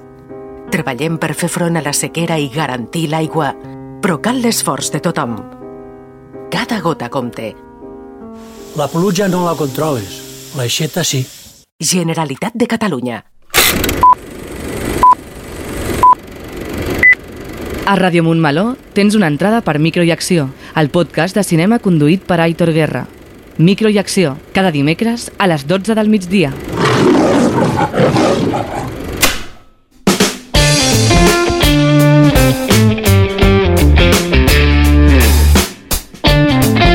I avui tenim al Montmeló Sona un cop més la secció de consum, la secció mensual de consum que ens porta l'Oriol Contreras de l'Oficina Municipal d'Informació al Consumidor. Eh, avui ens vens a parlar de la factura digital, veritat? Aquestes factures que ara, en comptes de venir físicament, també eh, està en format digital. Eh, quins problemes podem tenir amb això? Bé, el, el, la, la, el motiu de parlar de la factura digital, que està en boca de tots, és, doncs, jo saps que tinc el, el meu blog, que és Parlant en Consum, que aprofito no, uh -huh. per anar-ho recordant, i el, el darrer escrit que vaig eh, publicar eh, titulava No és or tot el que llueix, no? Eh, que antigament era No és oro tot el que reluce, és la frase que em, em vaig tenir que traduir perquè és més típica, però què volia dir jo amb aquesta frase No és or tot el que llueix quan parlo de la factura digital? Doncs que realment té una part bona la factura digital, que és la, la, la, part, la, la paraula or no? d'aquesta frase, i és a, la, la qüestió ecològica, no? no? No deixar una petjada ecològica tan important com quan fins que teníem les factures sempre en paper, no? Doncs ens arribava a casa documentació i més documentació, després tenim el sobre, tenim el transport... Fins aquí tothom està d'acord en que la factura digital, aquella que ens enviem per correu electrònic, o que podem accedir a través d'una plataforma de la web, no? de les grans companyies, doncs fins aquí estem tots d'acord que és una part positiva, no? Uh, però jo com em trobo, que saps que treballo molts ajuntaments, no? em trobo sempre la mateixa dificultat, la mateixa casuística, doncs ho he volgut explicar i reflexionar. I és el següent, eh, la gent al tenir la factura digital, i no dic tothom, però una gran part de la gent, sobretot tenim tot el sector, mm, de persones que no controlen internet, de gent gran, eh, la, la despistada de tota la vida, que ja quan tenia el paper pràcticament ni es llegia la factura, doncs només fa falta que a sobre les factures les haguem de baixar d'una plataforma d'aquella empresa, dic sigui Endesa, Naturgy, Movistar, no? en la qual tenim un apartat d'usuari, o que haguem d'obrir, i està pendents del correu electrònic, si ens arriba, si ens arriba, sí. i, i, i altres maneres no, d'accedir a aquesta factura digital, doncs que la veritat costa moltíssim. Llavors, al, en tenir aquesta dificultat d'accedir a la factura, d'aquí generen tota la sèrie de, de problemàtiques que a mi, si vols en parlem, no? però de que sí. a mi se'm presenten en, a, en els ajuntaments. A mi em pot venir un usuari i dir-me, escolta, és que m'han cobrat molt aquest mes, de què? D'aquesta companyia. I què t'han cobrat? Mm, molt. Dic, bueno, però què t'han cobrat? Diu, no ho sé, no ho sé perquè no ho veig. Mm. I com és que no ho veig? No m'has portat les factures perquè al final jo sí tinc que reclamar necessito tenir documentació. Doncs és el que em trobo sempre. La gent ve sense les factures. Sí que veuen el cobrament en la compta, però no tenen les factures. Mm. I com que això me'n dono compte, doncs jo, doncs, eh, això doncs a mi m'espanta perquè la factura digital ja no és el futur, és el present. Sí. Això no té marxa enrere. Sí, Totes sí, les sí. factures seran digitals. Què diu la llei? La llei diu que jo puc exigir la factura en paper? Sí. Que la llei diu que jo puc exigir la factura en paper gratuïta? També. Que la llei diu que les empreses, quan jo contracto un bé o un servei, m'haurien de permetre l'opció de paper o digital? També. Però una cosa és la llei, l'altra cosa és la realitat. Per què? Perquè quan tu contractes, moltes vegades, bueno, moltes no, jo diria que quasi el 90% no sabem el que firmem. Mm. I, per tant, la factura digital l'hem acceptat des del principi. Segona, la gent no sap que pot demanar-la en paper, però és que quan la demana les companyies no t'acostumen a fer cas. Mm. Això no t'acostumen a fer cas en moltes coses, imagina't amb aquest tema, no? I tercera, la gent desconeix perquè a vegades fins i tot m'han arribat a veus de que alguna d'aquestes empreses, els comercials ho diuen, que si em cobraran o no em cobraran per enviar-me el paper. La banca mateixa, no? Mm. Eh, la banca mateixa, fins fa poc, almenys jo havia vist, de CaixaBank, que cobraven per enviar correspondència a casa, d'acord? Llavors, amb totes aquestes tres excuses fa que la majoria de persones no tinguem eh, la intenció de eh, fer-nos amb la factura en paper, que tampoc ho estic animant, perquè tornaria al principi, anem a protegir l'ecologia, d'acord? Sí, sí. Però llavors hem de buscar una solució. Eh, quina és la solució? Doncs que la gent aprengui a eh, baixar-se d'internet un cop al mes les factures. Mm. O aquells cobraments que em fan a la compta, contrastar-los amb una aplicació, contrastar-lo amb un correu electrònic, contrastar-lo amb el que vulguis. Eh, quines són les problemàtiques eh, que, que t'has trobat més eh, en referència a la, a la factura digital i com es poden solucionar? Clar, el més habitual, eh, i amb alguna altra emissora que m'han entrevistat darrerament parlant d'aquest tema, posava l'exemple. Antigament, els que som ja una mica més grandets, no sé si tu ho havies arribat a veure, la factura del telèfon detallava les trucades. Tu Mm. ho havies arribat a veure? Sí, alguna vegada sí. Però molt, molt, fa moltíssim. Sí, sí, sí. Perquè no hi havia la tarifa plana. Llavors, totes les trucades havien d'aparèixer detallades, com amb una llista de la compra de la verdura, doncs, pomes, peres, taronges, doncs, totes les trucades. Mm. I la gent ja se'n donava compte de que hi havia telèfons que no havien trucat. bueno, ja te l'estaven colant. Això és un clàssic. Ah, Ara tenim la tarifa plana, per tant ja no és el problema que te les colin les trucades, perquè és igual que en facis una que mil, pagaràs el mateix, sí. en la majoria de companyies, però ara et colen serveis afegits en les companyies de llum, serveis de manteniment, les companyies de gas, serveis d'assegurança de no sé quantos, amb una companyia de d'assegurances pròpiament, algun eh, accessori, alguna qüestió que tu no has contractat, però que són pocs diners i que si no és la factura, si no és a través de la factura, tu això no ho detectes. No detectes serveis que no has contractat, no detectes preus que no són els que tu has establert, no detectes fins i tot impostos, perquè, per exemple, quan va baixar l'impost de l'IVA de la llum del 21 al 5%, hi havia casos on a la gent encara no li aplicaven. Però, esclar, si tu tens una factura petita, moderadament petita, no te'n dones compte. Mm. És a dir, el problema de la factura final digital és no saber què t'estan facturant. I podria posar més adverbis. No saber quan t'estan facturant, el que t'estan facturant, per què t'estan facturant, i fins i tot hi ha gent que no sap qui li està facturant, perquè darrerament en, jo he vist llibretes de la gent gran que em porta encara amb la llibreteta i em posa luz, Mm. o energia, o gas, o, o, o seguros. O sigui, fins i tot ja no posen el nom de l'empresa, que encara detectaria una mica qui t'ho està cobrant. Clar, tot aquesta és la problemàtica que jo em trobo. I tot ve per no tenir la factura a la mà. Que no cal que l'imprimim? D'acord. Que la podem veure per, per correu electrònic, només visualitzar-la, ja està bé. Si de fet és una bona idea, ja no només per la qüestió ecològica, a mi que m'agrada més manejar-me per internet, doncs és que puc fer la comparativa de tot el consum meu de casa durant un any o de dos, perquè ho tinc tot a l'ordinador, no tinc que tenir carpesanos amb papers a casa, Sí. sí. tot això està clar que és, és, és, és molt millor.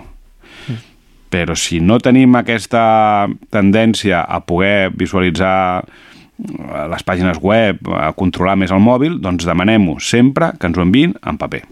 Clar, i, i també depenent de quin tipus de- d'empresa sigui o quin tipus de factura sigui, hi ha diferents maneres de poder accedir a aquesta factura, no? Sí, clar, les grans empreses tenen eh, l'usuari de l'internet, no? Sí. l'usuari en la pròpia web d'Endesa, Natusi, de Movistar, d'aquestes grans empreses, d'asseguradores, totes tenen un apartat d'usuari, que estan normalment ben treballades, tot s'ha de dir. Eh, funcionen bastant bé. Aquesta és una manera. L'altra és que tu donis l'ordre que t'ho envien per correu electrònic. Un cop al mes t'ho han d'enviar per correu electrònic. L'altra és que tinguis l'aplicació en el mòbil.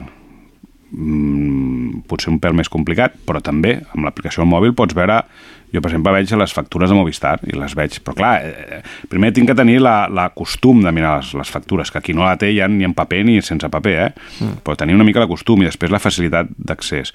Però també poden fer una factura digital o un tiquet digital les botigues de carrer cada cop més tenim botigues al carrer que només que siguis, no soci, però que siguis eh, abonat o client, no? que et fan un número i et diuen, bueno, doncs ara el mateix Carrefour t'ho fa. Eh, la factura serà digital no? i se l'enviem per correu electrònic. Quan surts d'allà no surts amb el paper, surts amb el correu electrònic. Aquí llavors ja quan surts vas amb el, imagino, no? amb el carret, amb la compra, arribes al cotxe, quan s'ha de descarregar ui, em falta un producte, però l'he pagat o no l'he pagat. Antigament, agafaries el paperet i diries, ostres, que aquí no, l'he- no, no, me l'han cobrat i no hi és. Sí. O no hi és i me l'han cobrat, no ho sé. Ara torna a ser una dificultat. El tenim en el mòbil. Si me l'han enviat, eh? Si me l'han enviat. És a dir, jo crec que a Dinamarca o a Suècia això potser no seria tan conflictiu. Però en un país com el nostre, només que els hi donin l'oportunitat a les grans empreses a fer la facturació digital, doncs si antigament en les factures de telèfon que anaven en paper i ens colaven telèfons que no havíem trucat, tu Mm. imagina't ara si els dones rienda suelta. I el que han de veure és un consumidor format, un consumidor exigent, un consumidor que controla. Si les grans empreses veuen un consumidor que no controla, descontrolat, no exigent, no diria incult, però sí que, que, que sense coneixements, no? Sí. Doncs poden tendir a fer coses dolentes. I com es pot formar la gent, en especial la gent gran, d'això? Amb la gent gran tenim una frontera que ja és molt difícil. És, llavors, a la gent gran el que jo li dic és exigeixi la factura en paper. Punto. Vale. Ja està. Perquè després s'ha de- s'ha s'ha de conscienciar això de base, això és, diguéssim, el quilòmetre zero, a la gent de que té que llegir la factura, l'ha de tenir. Quan la gent sigui exigent en, en, en tenir la factura, el segon pas, paper o digital? Però és que la meva feina ja és, o la de l'administració és, eh, inculcar a la gent de que ha de tenir sempre la factura controlada a casa. Mm. I el segon pas ja serà el següent. Clar, si falla el, a, la primera part, és igual digital que paper, sí. perquè la gent no tindrà la costum de llegir. Llavors, la meva feina en tots els ajuntaments i quan surto les emissores i faig escrits i de l'administració en general és que la gent tingui sempre costum a llegir la factura de, que és un cop al mes, normalment, màxim. Eh, I a partir d'aquí parlem del següent, de si la tens digital o en paper, però llegir la factura. Mm. Eh, fas una xerrada el dia 3 de maig, veritat? Explica'ns una mica. A l'Ajuntament, sí, el dia 3 de maig. A la Un- sala de la Concòrdia. Un dimecres, sí. Mm. Està obert a tothom, em sembla que l'han dirigit més a la gent gran, però vull dir, està convidada a tothom i bàsicament el que farem és presentar una mica l'oficina del consumidor, que portem doncs, un poc temps en, aquí en l'Ajuntament, prestant aquest servei, presentar-vos una miqueta, parlar en general de recomanacions molt bàsiques, de les que sempre et parlo aquí a, a, a Sí. l'emissora, i entre d'elles, per exemple, parlaré del tema aquest de la, de la, de la factura, no? Llavors doncs, és gratuït, tothom està convidat, i, i és la manera de fer arribar a la gent perquè jo tinc, doncs, jo a l'oficina del consumidor, les administracions públiques tenim per internet, a través de les xarxes socials, Instagram, Facebook, no? Això, aquests sistemes ja els tenim, però hem d'arribar a, a la gent que no té aquest, no? aquests recursos, per exemple, la gent gran, per això és, són la prioritat no? en aquest tipus de trobades, i bàsicament és parlar una mica de, de la problemàtica més, més bàsica de defensa dels consumidors i usuaris. Mm. Doncs moltes gràcies. Hi ha alguna cosa més eh, que, que vulguis dir sobre aquest tema?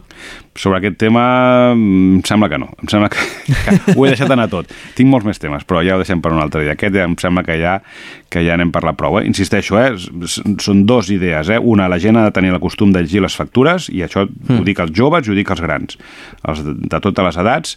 I la segona part és quan tinguem aquest costum de llegir les factures, eh, accedir, clar, no té sentit una cosa sense l'altra, i, i, i l'accés a la factura és o digital o en paper, però que sapiguem que sempre que vulguem el paper és gratuït i és obligatori. Doncs ja sabeu, feu cas de l'Oriol Contreras i el mes que ve tornem amb aquesta secció de consum la segona setmana de maig, ja. Ja, sí. Eh, doncs fins al proper mes i moltes gràcies per venir a l'emissora. Gràcies a vosaltres. Jay.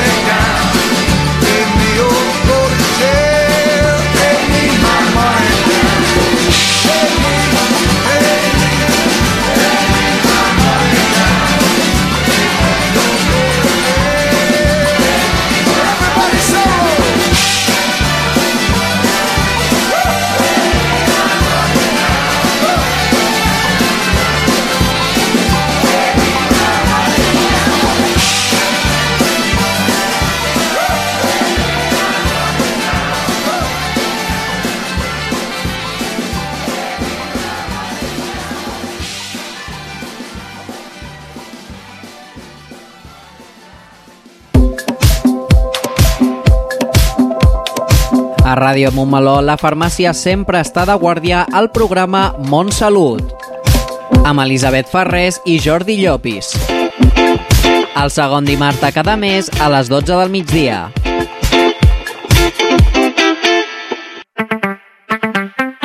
T'imagines un lloc on descobrir, on explorar? Un lloc on llegir, aprendre i compartir? Tot això i molt més a la teva biblioteca. La Diputació de Barcelona i els ajuntaments posem al teu servei 228 biblioteques i 10 bibliobusos per apropar-te a la cultura i al coneixement. bibliotecavirtual.diva.cat Diputació de Barcelona.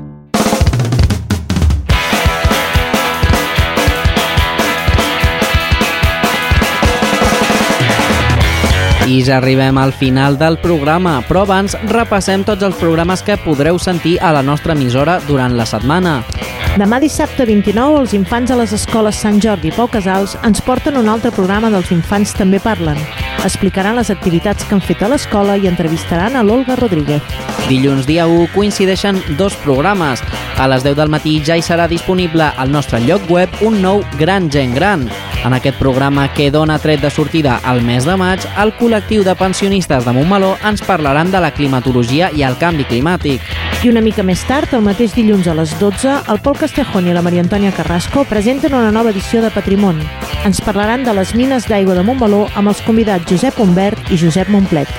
Dimecres 3 tenim Micro i Acció, el programa de cinema de l'Aitor Guerra i el Miguel Ángel Núñez. Al programa de dimecres parlaran de videojocs al cinema. Quines pel·lícules i sèries han sapigut adaptar millor la història d'un videojoc? Dijous 4 a les 9 del vespre tenim Fora de Joc, el programa d'esports al Marçal Pont i el Pablo Sánchez. I com ja sabeu, si no voleu esperar al vespre, podeu sentir la gravació del programa en directe a les 6 de la tarda, al mateix dia, a l'apartat Ràdio Montmeló en directe al nostre lloc web www.radiomontmeló.cat. I com haureu sentit al programa Montmeló al punt de dimarts passat, aquest mateix programa produït per l'alumnat de tercer d'ESO de l'INS Montmeló tanca temporada. Des d'aquí agrair a l'alumnat i al professorat que ha fet possible el programa. Esperem retrobar-nos al curs vinent. I amb tot això marxem, però com ja és costum, us volem recordar que podeu contactar directament amb l'emissora si teniu qualsevol idea, suggeriment o opinió, mitjançant el nostre correu radiomo.montmeló.cat o a través del telèfon i WhatsApp 637 150 702. Molt bon cap de setmana a tothom i gaudiu del cap de setmana llarg que tenim per davant. Però no deixeu d'escoltar-nos perquè Montmeló tornarà a sonar divendres 5 de maig de 2023 a les 12 del migdia.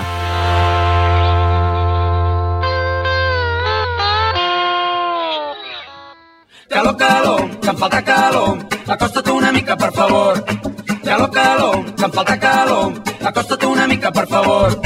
Calor, calor, que em falta calor. Acosta't una mica, per favor. Calor, calor, que em falta calor. Acosta't una mica, per favor.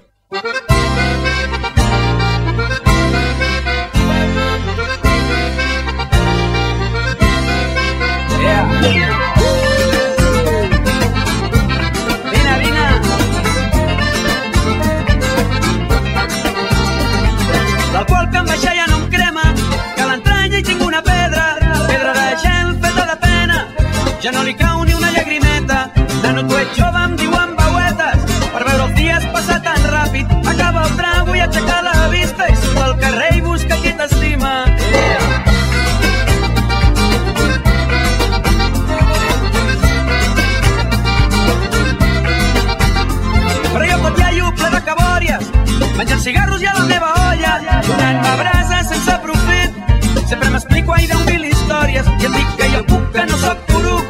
Però fent de peus em fa sentir sirenes, cada sirena pel que he perdut. A tots els trens els queda l'esquena, que no sóc gat i a mi falten vides. El fred em pela i m'esqueixa tires. Calor, calor,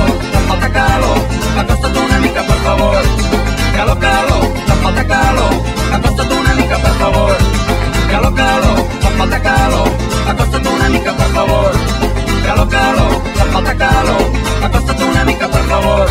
Dins el gel el meu cor batega, bombeja sang a ritme de pera, i el fred que veus ara pica al terra, i el galligó se m'ha tornat cascada, i canto blues amb llengua bastarda, perquè té mare però qui sap el pare, i dono les gràcies perquè respiro, vull estimar tot allò que miro. Yeah!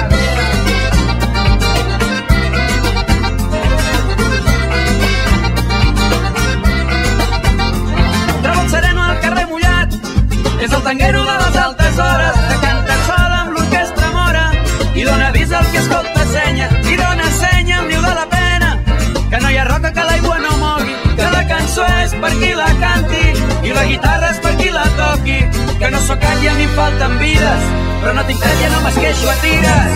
Calor, calor, quina calor que fa, que ens haurem de despullar. Calor, calor, quina calor que fa, que ens haurem de despullar. Calor, calor, quina calor que fa, que ens haurem de despullar. Calor, calor, quina calor que fa, que ens haurem de despullar. Calor, calor, quina calor que fa. Calor, calor, quina calor que fa. Calor, calor, quina calor que fa. Calor, calor, quina calor que fa. Calor, calor, quina calor que fa, que ens haurem de despullar. Calor, calor, quina calor que fa, que ens haurem de despullar. Calor, calor, quina calor que fa, que ens haurem de despullar. Calor, calor, quina calor que fa, que ens haurem de despullar.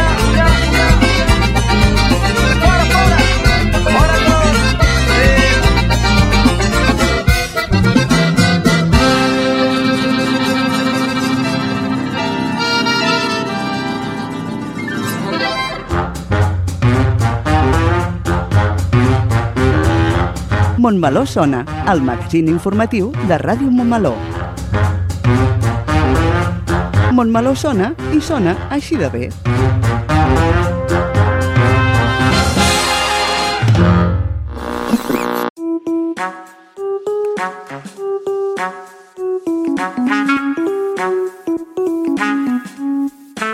Ràdio Montmeló. Sintonitza'ns al web radiomontmeló.cat i a través de les xarxes d'Instagram, Facebook i Twitter. Ràdio Montmeló, la ràdio municipal i digital de Montmeló.